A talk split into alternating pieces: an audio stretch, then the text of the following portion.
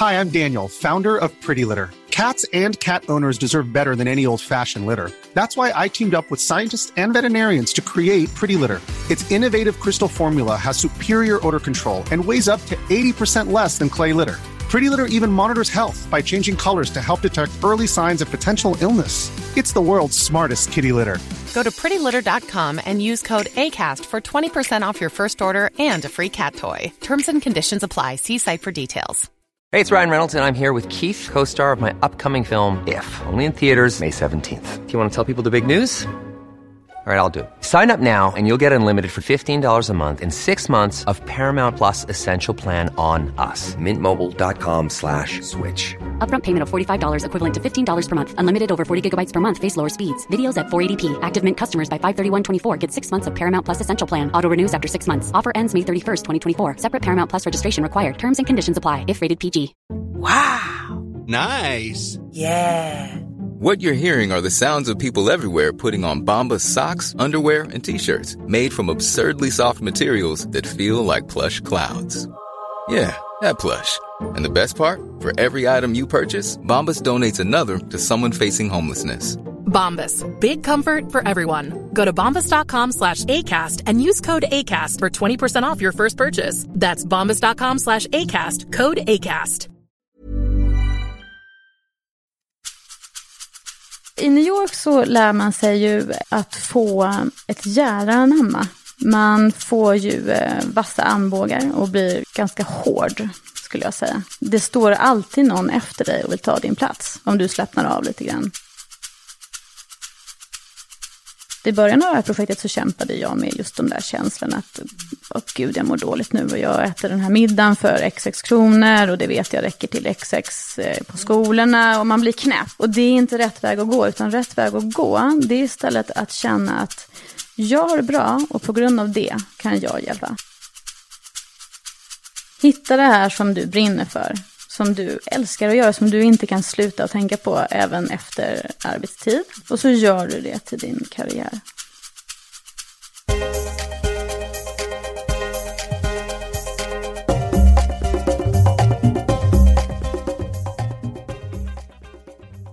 Välkommen till Karriärpodden. Det är jag som är Eva Ekedal och i Karriärpodden intervjuar jag framgångsrika kvinnliga ledare, för vi behöver ju fler kvinnliga förebilder. Veckans gäst är Ebba Lövenskiöld. Ebba är utbildningsaktivist och grundare av hjälpprojektet Together for Better, som bygger och stödjer skolor för barn i fattigdom. Vi kommer att prata om hennes drivkraft och att hon faktiskt har vågat byta karriär ganska väsentligt. Hon har nästan en osannolik resa från att vara kändisjournalist i New York till att bygga skolor för utsatta barn på Dominikanska republiken. Det här är ett avsnitt som handlar mycket om mod och att våga. Så häng med och lyssna. Men eh, innan vi startar så vill jag nämna att i veckan kom ju den nya rapporten från Allbright, stiftelsen som granskar representationen av kön i näringslivet. Det blev tyvärr en stor besvikelse. Det var ynka en procentenhets ökning av andelen kvinnor i ledningen och fortfarande endast 6 procent kvinnliga vdar. Hörrni, nu är det dags att vi ökar takten. Så jag vill uppmana de företag som vill bli bättre på att strukturera upp och öka takten i sitt jämställdhetsarbete. Hör av er till oss i Women for Leaders. Vi hjälper er att bli en mer equal employer. Men nu så, nu är det dags. Nu kör vi!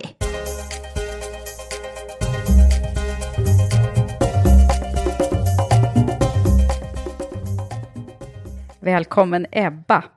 Tack! Till Karriärpodden. Och välkommen hem ska jag också säga, för att du har precis kommit hem. Jag har precis kommit hem från Dominikanska republiken, ja, ja det stämmer. Och det har ju varit en, en fruktansvärd orkan som vi eh, alla har sett på tvn här, men du har verkligen eh, varit nära. Ja, jag var där för att arbeta med eh, min stiftelse Together for Better. Eh, och eh, i det här projektet just så var det för att dela ut utbildningsmaterial till 300 barn för hela skolåret. Så det var ju oerhört mycket glada miner och lycka i det här projektet. Som plötsligen byttes till dramatik och extrem oro då vi insåg att Irma, orkanen, kom rakt emot oss egentligen. Mm. Ni visste inte det innan ni åkte såklart? Nej, jag visste inte det innan jag åkte. Nej. Hur, eh, hur, hur, liksom, hur gick det till? Var det, var det evakuering av människor medan ni var kvar eller? Det som hände var ju att eh, när myndigheterna eh, varnade för orkanen så började ju folk eh, förbereda sig för den så gott det går. Ehm, två miljoner människor på Dominikanska republiken lever i extrem fattigdom. Eh, det betyder skjul eller hus av ehm, ehm, plywood eller zink, zinn, vad heter det på svenska? Cement? Eh, Zink, alltså plåt. Zink, ah. plåt. Men de som eh, kunde började ju spika för sina fönster med plywoodskivor. Eh, tog sina ägodelar till liksom, trygga hus eh, och försökte flytta sina familjer till skolor, publika skolor och sjukhus. Mm. Tyvärr är det ju så i det där landet att um, de som bör flytta sig och förbereda sig först ofta är de som gör det sist. Um, de som bor i skjulen ute på landsbygderna, de får kanske informationen sent. Eh, de, eh, ah, de vill till varje pris skydda det lilla de har och har skapat sig och tror att eh, de ska vara kvar och snarare rädda sitt liv, rädda sina, sina ägodelar. Mm. Vad var det, alltså vi ska ju prata om dig och din karriär på djupet, men jag bara tänker på, du har ju varit med om det här tidigare, inte orkan men katastrofkänslan. Ja, eh, 2010 i januari så semestrade min man och jag på en strand i Dominikanska republiken när jordbävningen slog till i Haiti på andra sidan ön. Mm. Och um, det var ju um, en um, det var en upplevelse som verkligen gick in i mig. Mm. Oerhört mycket. Och vetskapen att här var vi, i det här paradiset på den här vita stranden mm. med pina coladas i, strand, i handen och bara timmar bort så låg det ju människor begravda mm. under sina hus.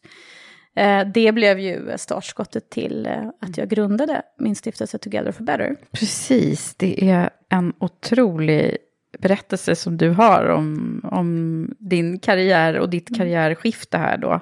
För det var där det föddes. Det var där det föddes, absolut. Eh, vi bodde då i New York jag eh, levde av eh, att vara frilansjournalist, jag intervjuade Hollywoodkändisar. Mm. Um, och um, när vi kom hem från den här resan så fick jag reda på att jag var med barn. Så, så, det tog några år mm. um, innan uh, jag grundade det 2013. Men... men det bottnar sig i den här händelsen. Var ni så nära då så att ni eh, liksom såg eh, och hjälpte till? Eh, eller? Nej, Nej. vi märkte ingenting. Nej. Det var det som var en, en del Ännu av det, konstigare ja, på något det sätt. bisarra. Att du vet, turisterna fortsatte att festa och musiken fortsatte spela. Men samtidigt på, på tv-skärmarna så rullade CNN där vi såg den här katastrofen. Som Mm. var eh, på andra sidan av, av den här lilla ön. Ja, det är inte så himla stort. Då. Nej. Nej, ja, det är ju en eh, fruktansvärd upplevelse att, att liksom bara erfara det här, verkligen. Men du, nu är det här skiftet i din karriär, det, det är ju det som är så spännande med dig, tycker jag. Eller det finns säkert mer som inte jag vet det nu. Men jag tänkte vi skulle forska lite i, i vem du är Mm. eh, och hur det här har gått till, att du också fick den här drivkraften att starta din verksamhet som du driver nu då, stiftelse. Mm. Är det. Eh, vad, vad, vem är Ebba från början? Från allra första början? Vem är Ebba från allra första början? Jo, ehm, jag är uppvuxen på en gård i Skåne med eh, två föräldrar. Som, är, ja, som man brukar ha, mamma och pappa. norrmän. ehm, Norrmän? Ja, norrmän. Jaha, i, norrmän i Skåne, det var, Ja. det var inte helt eh, vanligt kanske. Nej. Um, och eh, lilla syster och eh, stora syster som, som bott i Oslo men som har varit med oss, eh, hos oss regelbundet. Eh, det var en uppväxt som eh, präglades av ehm, ja, hästar, kor, får, eh, klättrade i träd, vi tog hand om kalvarna. Ehm, väldigt idyllisk uppväxt som jag minns det. Mm. Eh, I ett tryggt hem. Ja, utanför eh, någon storstad eller? Ja, det ligger, eh, jag ska säga, norr om, en timme norr om Malmö utanför en, en, en liten stad som heter Tollarp. Mhm. Och en ännu mindre by som heter Degeberga. Där kommer det ifrån. Ja, där kommer jag ifrån. Ja. Och vad drömde du om då när du var liten? Att du skulle pyssla med? Det är en bra fråga. Jag red mest. Jag ville rida och, och hålla på med eh, tävla med hästar. Mm. Eh, vilket jag gjorde i några år. Tänk att det är en hästtjej till här i min besöksstol. Det är, jag hade en här förra, förra veckan också. Ja. Det är så vanligt nämligen. Att det är hästintresse hos dem jag Ja. intervjuar. Eller också är det så att det är ett vanligt tjejintresse. Men eh, Vad lustigt. ja. Ja, det är ju det här med, apropå ledarskap och, och Mm. så, att eh, vara drivande. Jag tror sätt. att det är ehm, väldigt bra att hålla på med hästar för, för barn och ungdomar. Mm. Eh, man, ger, man får tidigt en, en känsla för ansvar. Och ehm, ehm, jag tror också man blir liksom jordad som människa. Mm. Mm. Ja, men så här, närheten till naturen på något sätt är det ju. Absolut. Vad, vad, vad är det som, när du tänker på din barndom sådär, vad är det, eh, vad tror du att det är för någonting som har betytt extra mycket för att du är den du är idag? Det är så här djupa frågor på en gång, vi bara kastar oss in. Ja. jag tror att, ehm, att jag har haft ett väldigt tryggt hem. Har eh, hjälpt mig att ehm, våga. Och våga ta risker i livet som äldre. Ehm, och jag tror också att eh, för mig, närheten till naturen och landet och djuren um, tidigt skapade en, en em, bra balans i mig. Mm. Och en jordad person. Mm. En person som i alla fall ofta som vill vara jordad. Mm. Men den här, den här äh, önskan att nu faktiskt jobba med eh, att hjälpa andra och så, var, var kommer den ifrån då? Den har nog funnits i mig. Ehm, jag minns att jag eh, tidigt gjorde så här, försök att ta mig iväg på volontärarbete och liknande, men inte lyckades riktigt.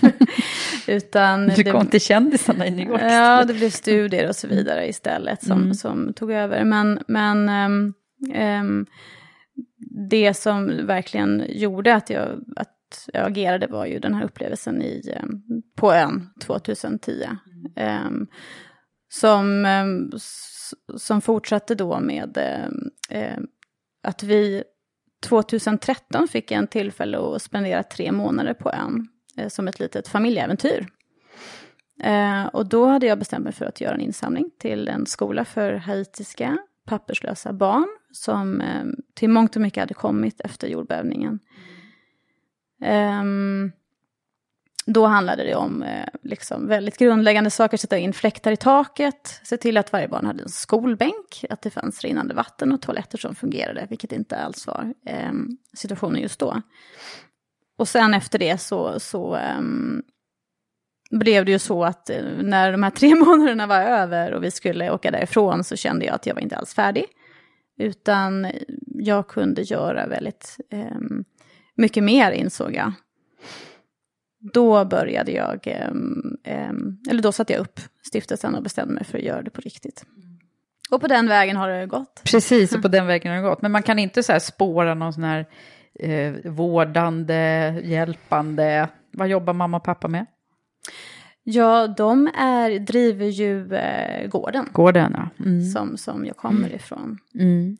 Nej, jag kan inte säga. Jag, det är fortfarande någonting som jag försöker att ta reda på. Ja, eller hur? Det är spännande det där. Jag försöker ju alltid så här, ja men varför? Så här. Mm. Eh, Men eh, ibland så, så är det ju så också att det är händelser som, som präglar jättemycket våra, våra livsval och vad, vad vi väljer för typ av, av karriärvägar. Liksom.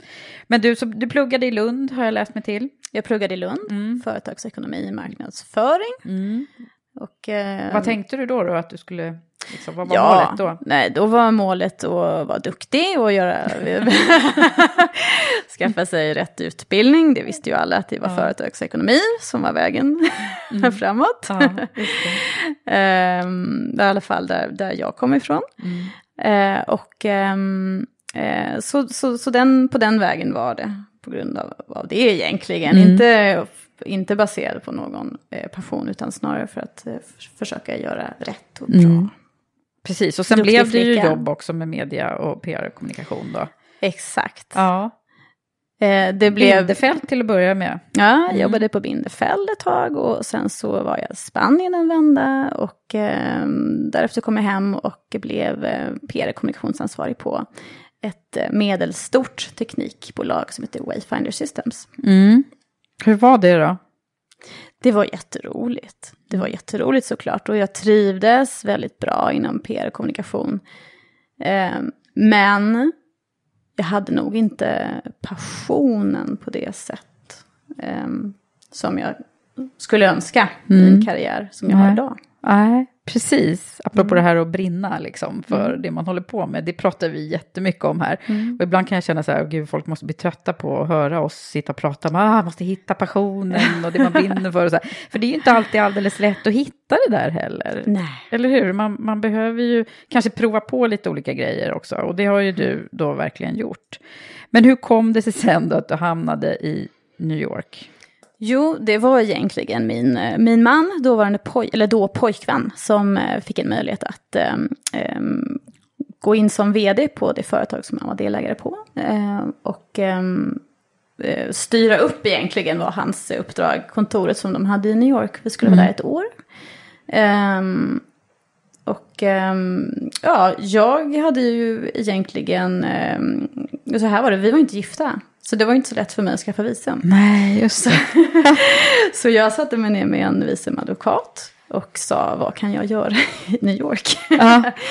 och ehm, jag skrev lite redan då för ett par tidningar hemma i Sverige. Så han frågade, tycker du om att skriva? Vill du bli journalist? Så jag bara, ja, kan du fixa ett sånt visum? Så sa ja, så ja, då blir jag journalist. Så det var så det gick till? det var så det bananskalet gick till. Ja. Och som frilansande liksom i New York, hur, hur är det då? Får man bara jobben di- neddimpandes? Nej, eller? det var ju jättetufft i början. Ja. Jag hade ju inte heller erfarenheten från det, utan det var ju från PR och kommunikation Ja. egentligen. Eh, men ehm, man kommer ju väldigt långt med vilja. Hur gjorde du då?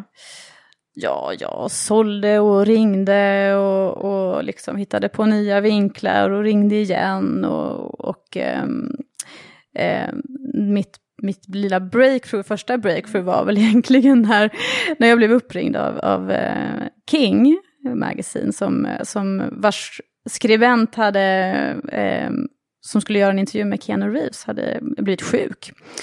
Och jag fick hoppa in och göra den intervjun. Oj, ja. Och där och då eh, förstod jag att det här var ett maskineri som jag kunde jobba mig in i. Mm. Ja. Så det blev ju många kändisar. Det blev många kändisar, ja. Alltså jag blev helt starstruck när jag tittade på den listan som du har skrivit om några av intervjuerna. Kände jag bara, ska jag intervjua den här tjejen som har intervjuat Richard Gere och Julia Roberts och, och några till? Va? Häftigt. Ja, men det var roliga år. Det var, det var några år när det var eh, eh, egentligen varje vecka. Ja. Eh, intervjuer med nya A-list eh, actors. Ja. Så, ja. Hur var, hur, alltså, snälla berätta om, vilken var, vilken var den, vi kan ge oss några sådana här. Vi ska prata om det du gör nu, för det är absolut det viktigaste, men, men jag känner ändå att det är lite kul det här. Mm. ja, nej, vad ska jag säga? Men jag har en väldigt lång lista med Nicolas Cage, Joel Kinnaman, uh, Meryl Streep, Mamma Gummer, Hugh Jackman, Amanda, Amanda Seyfried, Russell Crowe. Ja, det är ju jättemånga. Jättemånga. Men vilka, vem, vem, vem, vem tycker du har varit häftigast att intervjua då? Oftast de som har varit häftigast att intervjua, det har ju varit eh, antingen intervjuer som har gått eh, inte alls som man har planerat. I the feeling. Eh, och de kommer man ju ihåg på grund av det. Mm. Eller intervjuer som, eh, där det har varit en speciell situation. Där personen i fråga varit väldigt närvarande om man har haft god tid och så vidare. Och Mm. där är ju, som du nämnde, Richard Gere en av dem. Alltså, ja, ja. det är det. Han var närvarande alltså i samtalet? Ja, och vi, vi, vi satt eh, i hans eh, så här, eh, penthouse suite på Surrey Hotel och tittade ut över New York och drack te och liksom, ja men det var en filosoferande Mm. eh, Han var, är han en, en tänkande person? Ja, det är han. Han är en tänkande person. Det är Ehm, väl alla. Jag menar, jag menar reflekterande mera. Men... Han är en person som har hållit sig utanför Hollywood ganska mycket. Och som ehm, ehm, ehm, är aktiv i, ehm, eh, inom buddhismen och stödjer olika organisationer. Mm. Så ni fann varandra lite där? Ja, lite grann. Ja. Sen har det varit andra som har varit totalt motsedd. Som jag gjorde en intervju med eh, Jared, Jared Carmichael och ehm, Christopher Mintz. Som var då McLovin, kom, blev han känd för. Okej. Så gjorde jag någon tv-klipp inför Bad Neighbors och de, eh, de bara flamsade och allt gick fullständigt. De ville bara prata om, om snoppar. Nej, är det sant? Så det som hände där var att jag fick bara slänga ifrån mig manuset och så bara köra på i deras snack.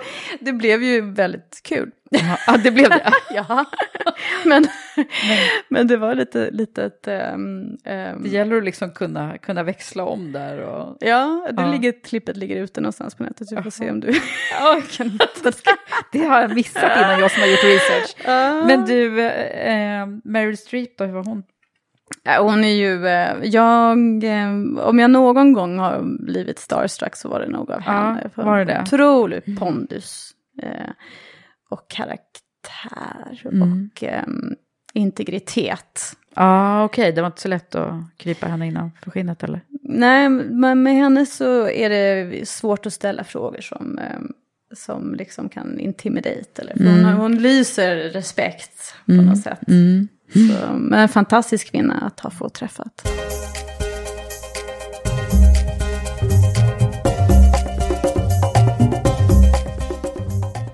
Ja, vad häftigt. Ja, nu kan vi, ska vi inte ägna hela den här podden åt att prata om andra, för det är faktiskt så att det är du som är i, i fokus nu. Känns Men ovant. Ovant, ja jag förstår det. Men, men om du tänker på den här New York-tiden då, om vi ändå stannar upp där lite grann, vad är det som, vad, vad har du dragit för lärdomar under den perioden? Jo, i New York så lär man sig ju ehm, att få eh, ett jädra anamma. Man får ju eh, vassa armbågar och blir ju ganska hård, skulle jag säga. Ehm, det står alltid någon efter dig och vill ta din plats.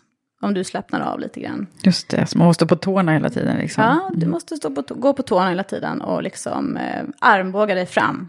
Mm. Ehm, vilket vi har väldigt lärorikt.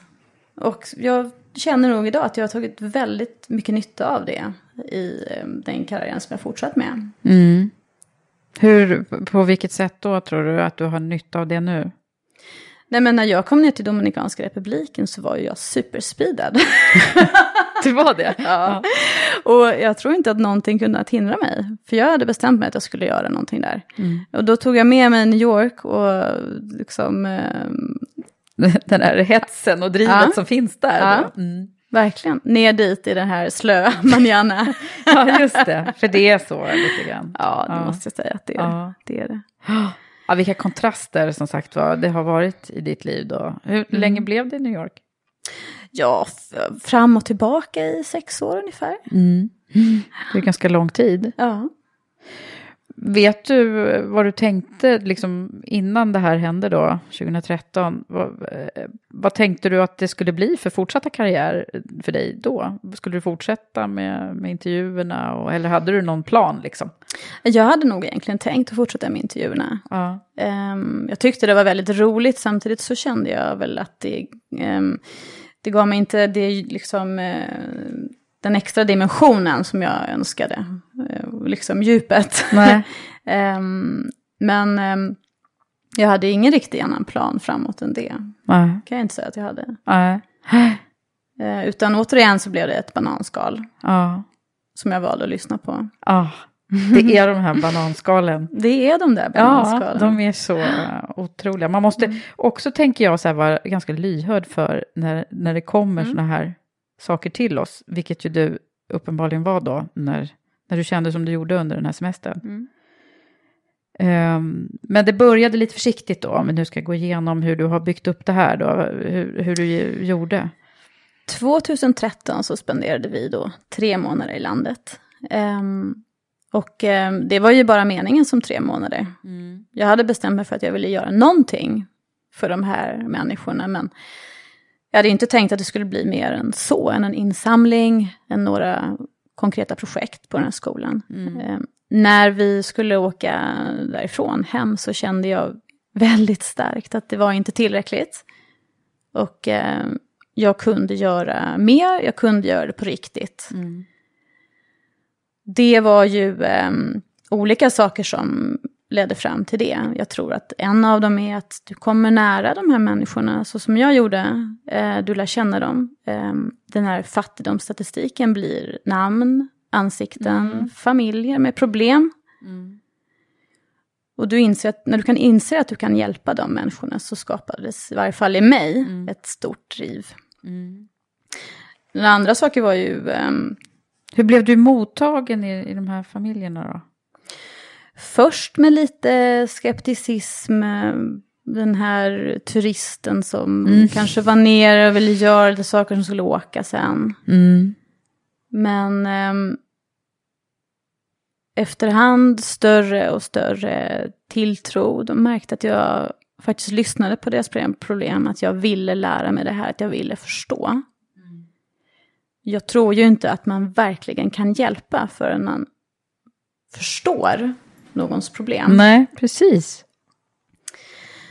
Um, det gäller liksom kunna sätta sig in i, alltså även om det är ofantligt svårt förstås att göra det, men mm. sätta sig in i någon annans värld. Mm, absolut.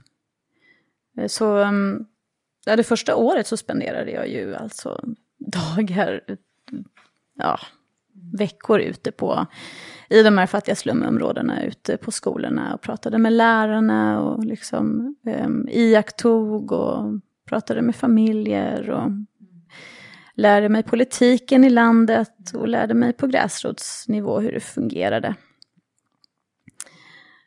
Och um, på så sätt så tror jag att jag kunnat utveckla mm. det här.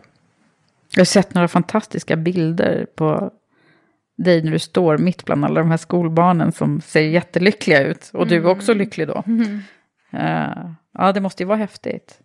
Har du, har du några, liksom, eh, några nära eh, möten som du kan skildra för oss?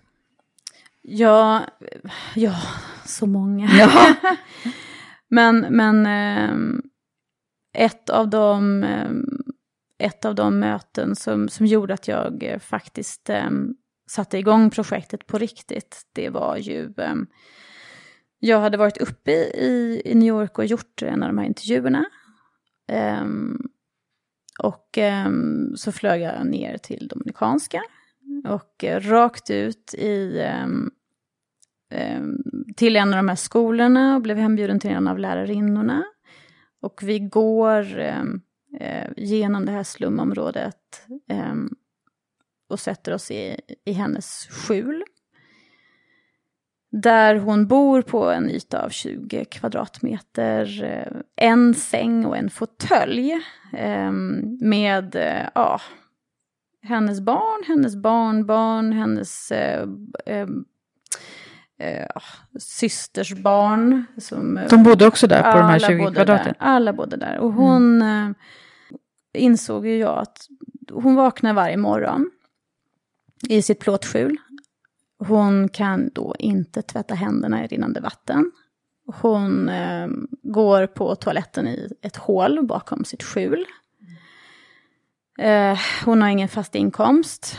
Eh, hon har en dotter som är dövstum en dotter som har dött i barnsäng. Och hon har ingen fast inkomst. Men hon driver en skola för 250 barn. Oh my god. Ja. Och det kommer jag ihåg, jag, satt, jag höll ihop det ganska bra när jag satt i hennes Mm. skjul och liksom... Börjar jag gråta? Men, men när jag hoppade in i bilen Mm. efteråt så fullkomligt bröt jag ihop. Mm. Otroligt. Och kände bara att jag, jag ville bara åka därifrån. Ja. Och lämnade och jag orkade inte, det var inte riktigt vad jag hade signat upp för. Ehm, jag ville bara hem till Sverige. Ja, var det så? Ja. Ja, så var det. Men sen så hände ju någonting. Det gick ju två, tre dagar och Mm. så... Eh, One size fits all seems like a good idea for clothes until you try them on. Same goes for healthcare. That's why United Healthcare offers flexible, budget friendly coverage for medical, vision, dental, and more. Learn more at uh1.com. Ready to pop the question? The jewelers at BlueNile.com have got sparkle down to a science with beautiful lab grown diamonds worthy of your most brilliant moments. Their lab grown diamonds are independently graded and guaranteed identical to natural diamonds, and they're ready to ship to your door. Go to BlueNile.com and use promo code LISTEN to get $50 off your purchase of $500 or more. That's code LISTEN at BlueNile.com for $50 off. BlueNile.com code LISTEN. Hi, I'm Daniel, founder of Pretty Litter. Cats and cat owners deserve better than any old fashioned litter. That's why I teamed up with scientists and veterinarians to create Pretty Litter. Its innovative crystal formula has superior odor control and weighs up to 80% less than clay litter. Pretty Litter even monitors health by changing colors to help detect early signs of potential illness. It's the world's smartest kitty litter. Go to prettylitter.com and use code ACAST for 20% off your first order and a free cat toy. Terms and conditions apply. See site for details.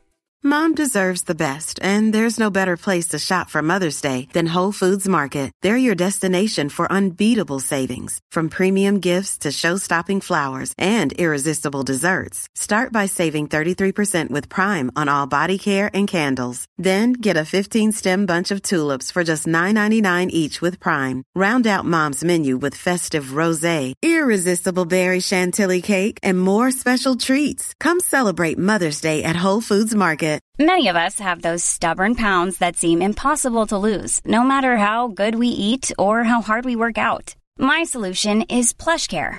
PlushCare is a leading telehealth provider with doctors who are there for you day and night to partner with you in your weight loss journey. They can prescribe FDA-approved weight loss medications like Wagovi and Zepbound for those who qualify. Plus, they accept most insurance plans. To get started, visit plushcare.com slash weight loss. That's plushcare.com slash weight loss. ändrades de där känslorna till eh, istället ilska. Mm. Och då hände det ganska mycket grejer. Mm. Det blev en kraft där i det. Det blev en kraft i det. Det är ett personligt möte av Mm, verkligen. hundratals. Ja, jag förstår. Men den här eh, kvinnan, är hon eh, din eh, vän nu och som någon av dem som du, som du träffar nu när du är där och jobbar? absolut. Driver hon en av de skolorna nu? Eller? Hon Som- driver en av de skolorna som vi har gjort insatser på. Mm. Vad häftigt. Så det måste ju vara... Ja. Hon måste ju vara väldigt liksom, glad över att ha lärt känna dig. Ja, det tror jag. Mm. det tror Tror jag. jag Men de har fortfarande sina utmaningar Mm. och kämpar. Och man kan inte göra allt, men man kan Nej. hjälpa dem och lyfta dem. Mm. Så hur, hur många skolor är det nu som du... Nu, är det, nu har vi till idag eh, byggt tre skolor. Från grunden liksom? eller? Från grunden, ja, varierande grad. Därför att en skola hade kollapsat.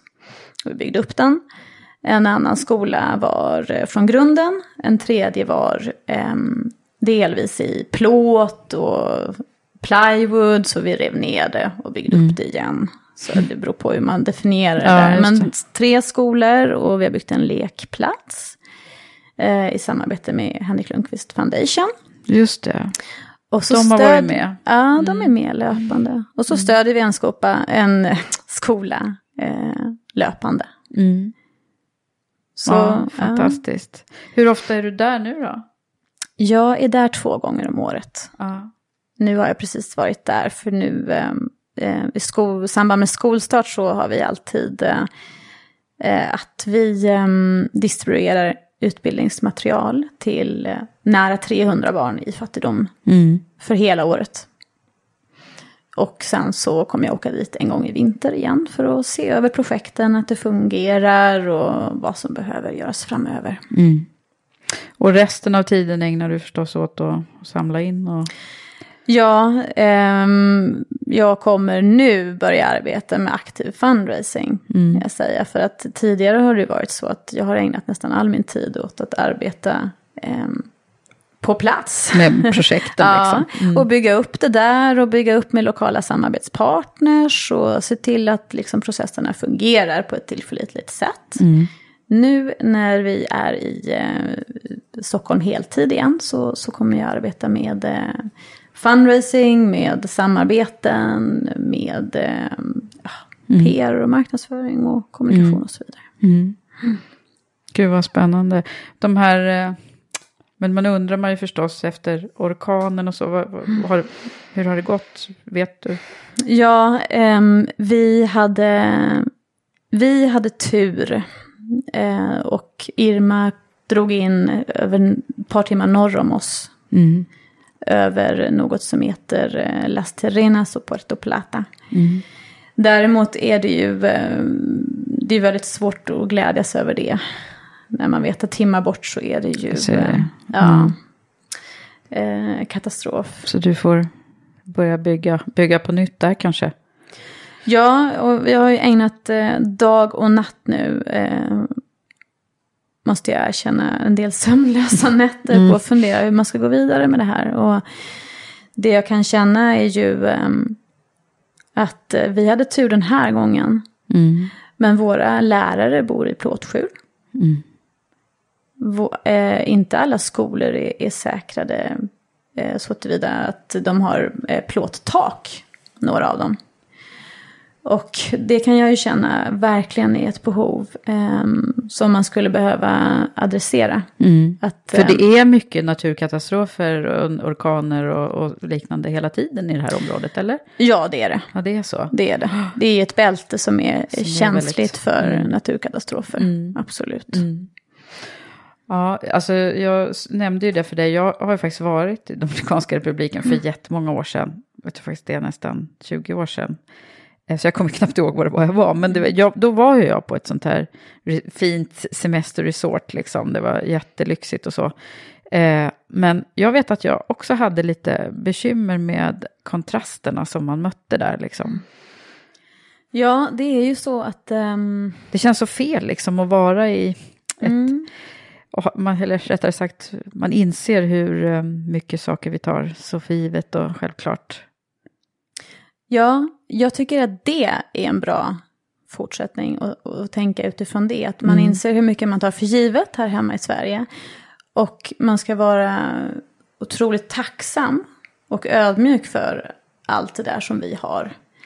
Sen har jag ju kämpat, i början av det här projektet så kämpade jag med just de där känslorna att, Mm. åh gud jag mår dåligt nu och jag äter den här middagen för xx kronor och det vet jag räcker till xx eh, på Mm. skolorna och man blir knäpp. Ja. Och det är inte rätt väg att gå, utan rätt väg att gå, det är istället att känna att jag har det bra och på grund av det kan jag hjälpa och lyfta Mm. andra. Ehm, och Ja, för att vi går omkring och mår dåligt, det hjälper ju liksom. Nej, det hjälper ju inte Nej. dem, exakt. Nej. Och, eh, och, och även då känna den här tacksamheten Mm. som jag tycker att man eh, inte kan känna nog av här som svensk. Eh, och som vi behöver tänka på, tycker jag. Mm. Oftare. Inte ta saker för givet. Mm. Eh, men det, visst är det som du säger, att eh, eh, det är ju väldiga kontraster. Och all inclusive hotellen ligger väldigt nära extrem fattigdom. Mm, det var ett sånt. Mm. eh, Så det var, det var nästan så här så att man visste inte, det är några som sa nej ni ska inte gå ut där, för där, alltså Mm. precis som att det skulle vara farligt att gå på gatorna liksom. Ja, de vill ju Nu gjorde gärna... vi det, men- ja, ni gjorde men- det, ja, mm. vad bra. De vill ju gärna också hålla folk inomför dem. Ja. Ja, ja. Precis, handla bara här, eller Ja. ät och drick bara här. Exakt. Nej, Ja. men det är också en del av problematiken att landet är ju, turistnäringen är ju huvudnäringen. Och eh, de är ju rädda för det här att turister ska skrämmas bort på grund av den fattigdom som, som är där. Ehm, så snarare skulle jag säga att fortsätt åka, fortsätt att res. För det hjälper landet. Sen kan man tänka på att kanske inte vara på bara all inclusives eller ta sig utanför dem och hjälpa den lokala eh, handeln och de lokala affärerna.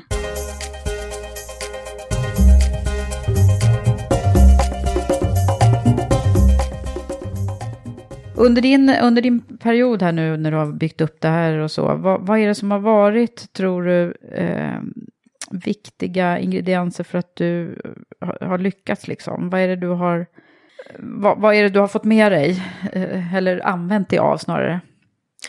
Jag tror jag fick med mig drivet från New York, som vi redan Mm. varit inne på. Mm. Ehm, kontrasten som jag har levt under ett par år, där liksom å ena sidan den här glättigheten i Hollywood, eh, eh, i kombination med att nästa dag har varit i, i slumområden, eh, har skapat, eh, inser jag i efterhand, ett driv hos mig att fortsätta. Sen är det ju också så här med ehm, rädslor att misslyckas och så vidare. Ehm, jag har nog många gånger i mitt liv varit rädd för att misslyckas och kanske tagit en säkrare väg, som, som många gör Mm. i karriär eller privat eller vad det än är. Mm. Ehm, men gång på gång i det här projektet så har jag ställts inför situationer där det har liksom inte varit en giltig anledning att backa. Min rä- mina rädslor att misslyckas, vad är det? Mm. För att eh, nu plötsligt har det handlat om människor, Mm. Människors liv. Liksom. människors liv. Mm. Och eh, det har hjälpt mig Mm. faktiskt. Mm. Att eh, påminna mig själv varje Ja. dag att ehm, step by step, fortsätt framåt.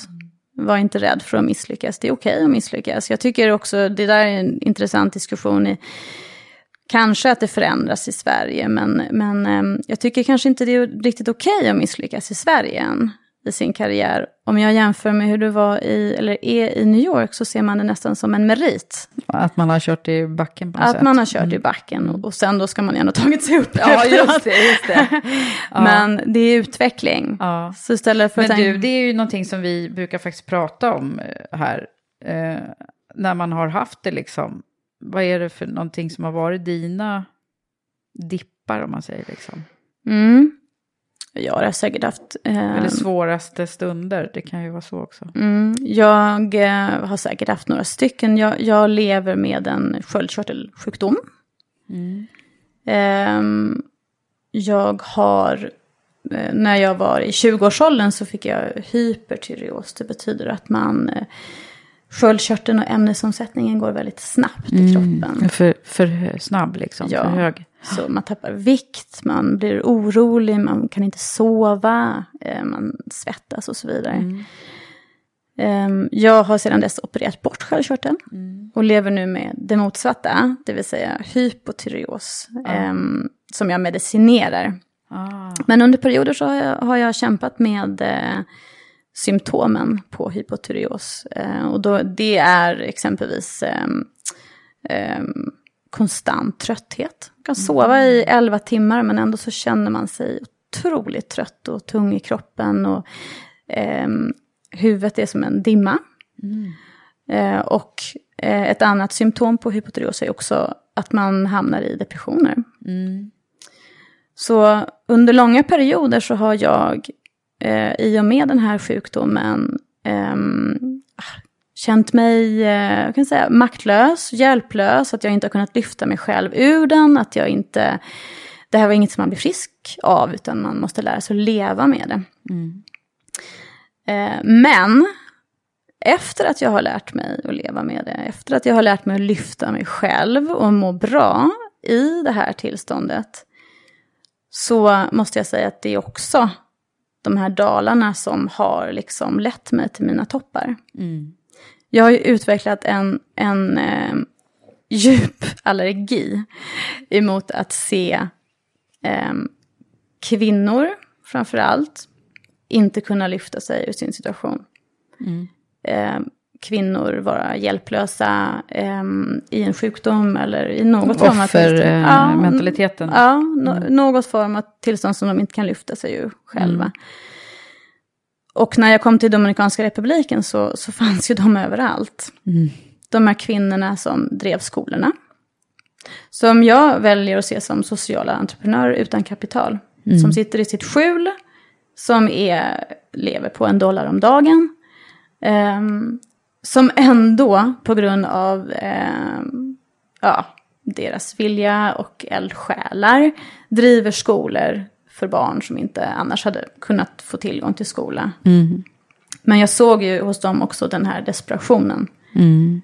Eh, Men du menar de hade inte liksom offermentaliteten överhuvudtaget utan gjorde någonting utav det? Är det det du menar? Jag menar att de, de försökte och de kämpade. Eh, men de kunde ju inte lyfta sig själva på så sätt att de drev skolor i skjul.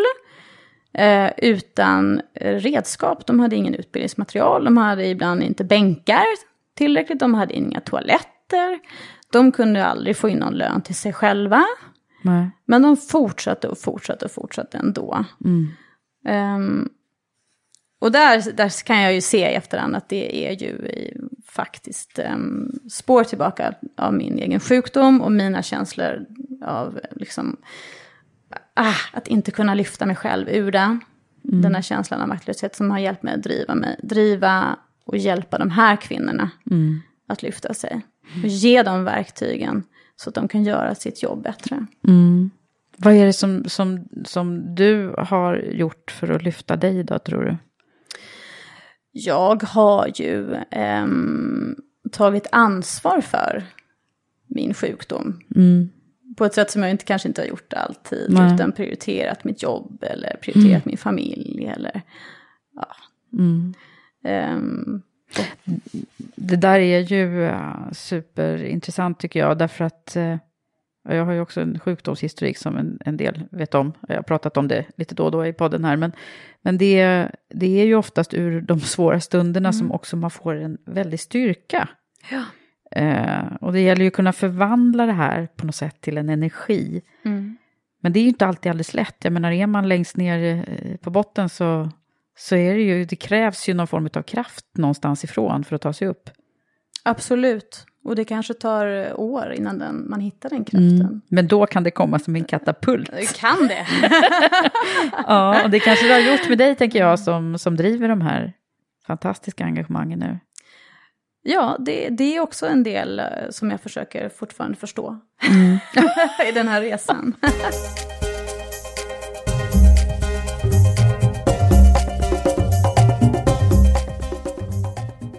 Nej, men det, det, det är stort, tycker jag, på många sätt och vis. Men finns det andra situationer eller så som, som du tror har betytt mycket för dig? Vi, vi pratar ju liksom om vägskäl och så, nu har vi ett tydligt vägskäl när du var på semestern där, men eller personer eller så som har betytt mycket för dig, tror du, för att du är den du är idag?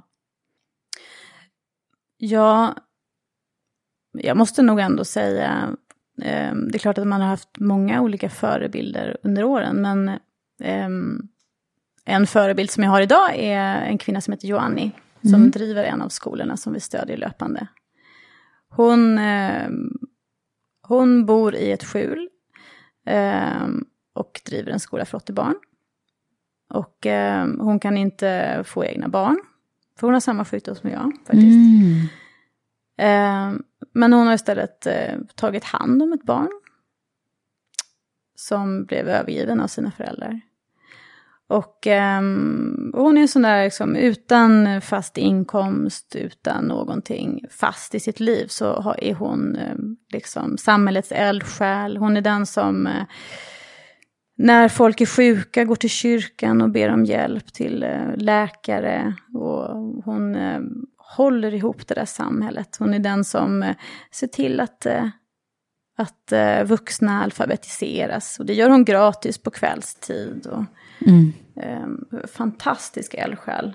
Mm. Jag tycker också det är intressant. Och sådär, vad är en hjälte? Mm. Du fick ju någon, Ja. något pris också.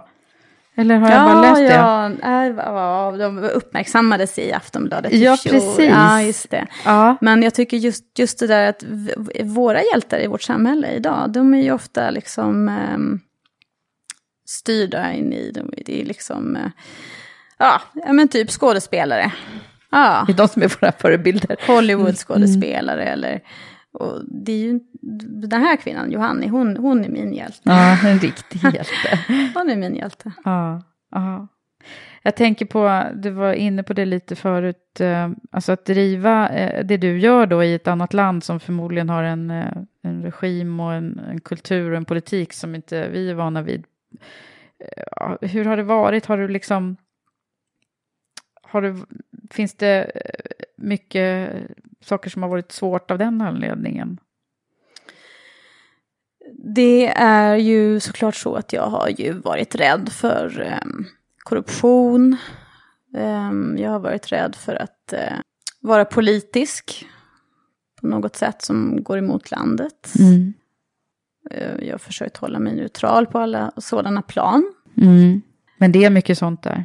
Ja, mm. det är mycket sånt där, absolut. Mm. Som, är, som är i alla lik, samma liknande länder. Mm. Ja, absolut. Uh, men det är också någonting man lär sig. Um, efter så många år där mm. av arbete. När du är där och tar du med dig, för jag vet att du har två små barn, är, mm. är hela familjen med eller hur, hur gör ni? Det beror på. Som nu när vi åkte över så, så var det bara arbete intensivt i, i tio dagar. Då, då åkte jag över själv. Mm. Um, jag har ju haft med min dotter mycket och hon har varit mycket ute på projekten och, och, och så vidare jag kan ju se tillbaka och känna att jag varit lite naiv i det faktiskt. På vilket sätt då? Ja, för att det är farligt. Mm. För henne, och mm. sjukdomar och allt möjligt. Um, vi har ju exempelvis varit i en skottlossning. Jaha. Ja. Um, hösten 2015. Så var jag gravid med vår eh, son Leo mm. som idag är ett och ett halvt år. Mm. Eh, vi var på väg mellan eh, den första skolan som vi byggde och skulle åka och titta på ett annat projekt. Och då plötsligen så eh, spärras vägen av av poliser. Eh, och eh, eh, vi står still i en bilkö på motor, motorvägen. Poliser hoppar ut ur bilen och börjar skjuta med k-pist eh, mot den här trucken liksom, som de jagade.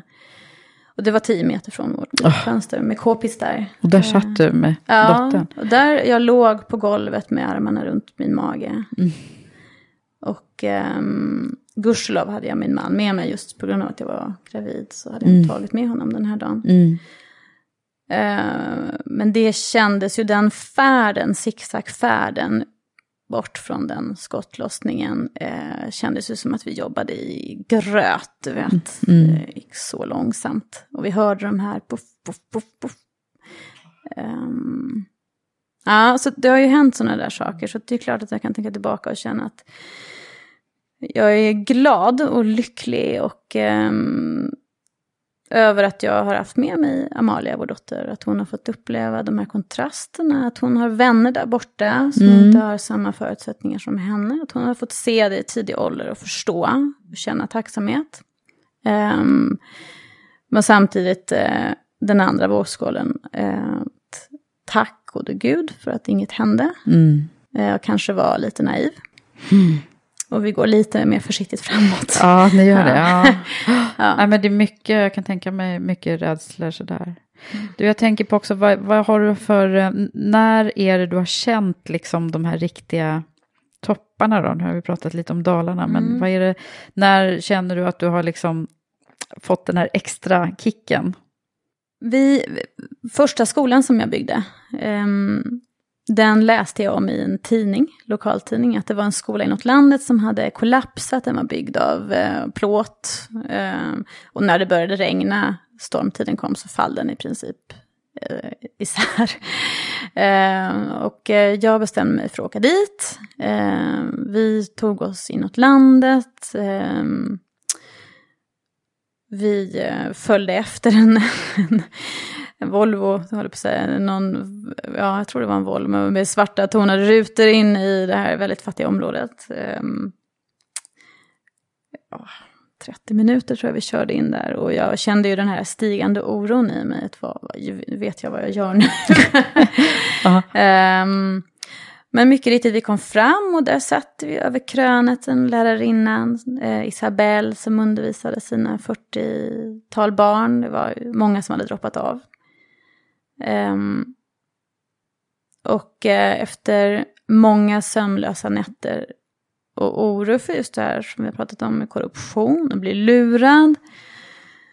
Eh, med ansvar till eh, givare och vad det innebär av risker och så vidare.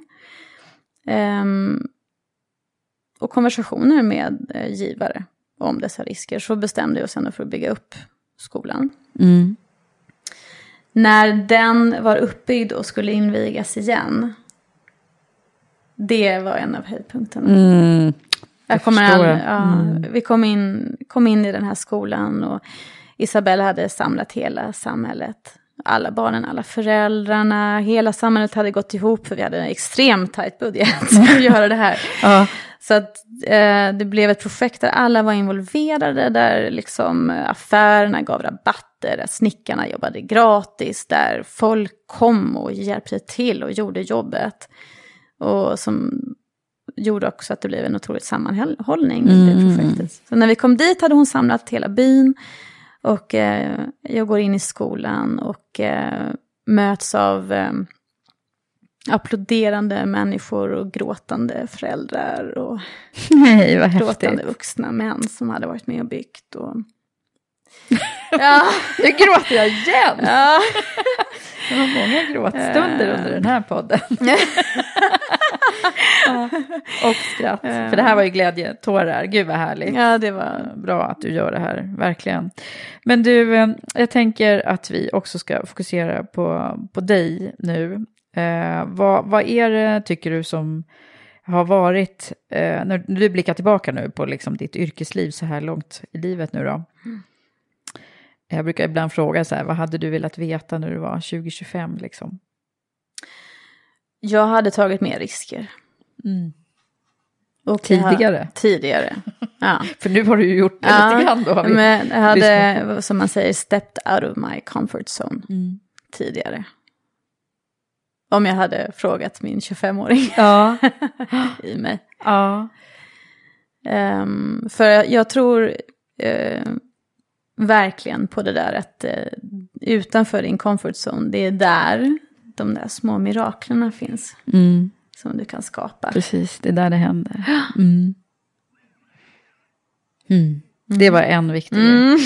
Vill du Eh, fler? ja, jag tänkte att du har Oh. säkert några fler som du tänker på.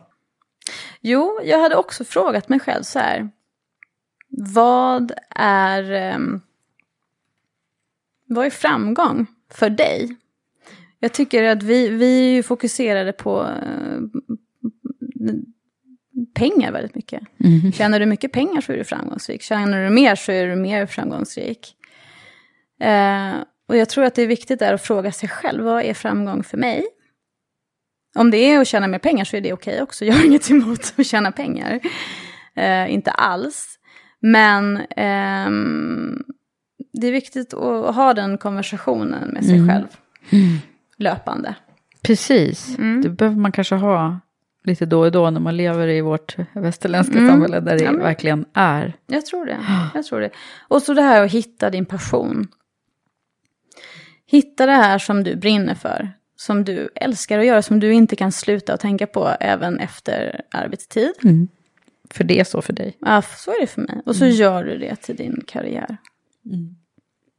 Det hade jag också sagt till eh, den 25-åriga Ebba. Och vad hade hon gjort då? Ja, det kan man ju alltid fråga sig. Envis som man är så har jag säkert inte lyssnat på mig själv. Men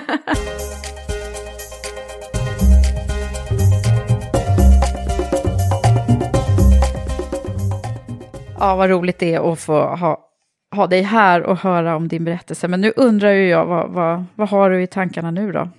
Vad händer framöver?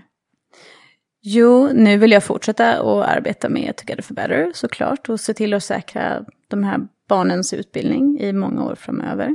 Um, och arbeta mer aktivt med fundraising. Um, jag um, pratar och diskuterar just nu med ett par olika om företag om att uh, uh, um, en, hitta en sponsor som kan hjälpa till med administrationskostnader. Mm. Så att vi fortfarande kan eh, se till att de eh, privata givare som ger vet att eh, deras donation går oavkortat till barnen. Mm. Så lite sådana olika projekt. Mm. Så bra, och vad roligt det är att ha haft dig här. Tack så mycket för både, för både gråt och skratt. och ett fint samtal. Tack, Tack detsamma.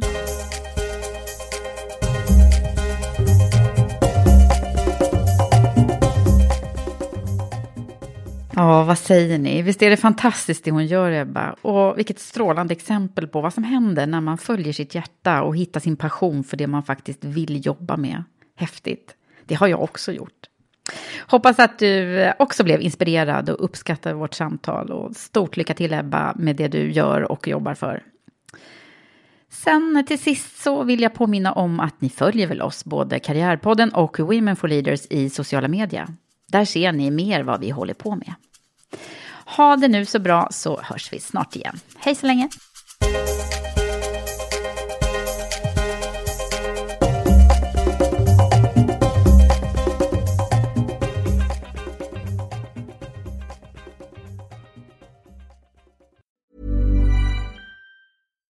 Hi, I'm Daniel, founder of Pretty Litter. Cats and cat owners deserve better than any old-fashioned litter. That's why I teamed up with scientists and veterinarians to create Pretty Litter. Its innovative crystal formula has superior odor control and weighs up to 80% less than clay litter. Pretty Litter even monitors health by changing colors to help detect early signs of potential illness. It's the world's smartest kitty litter.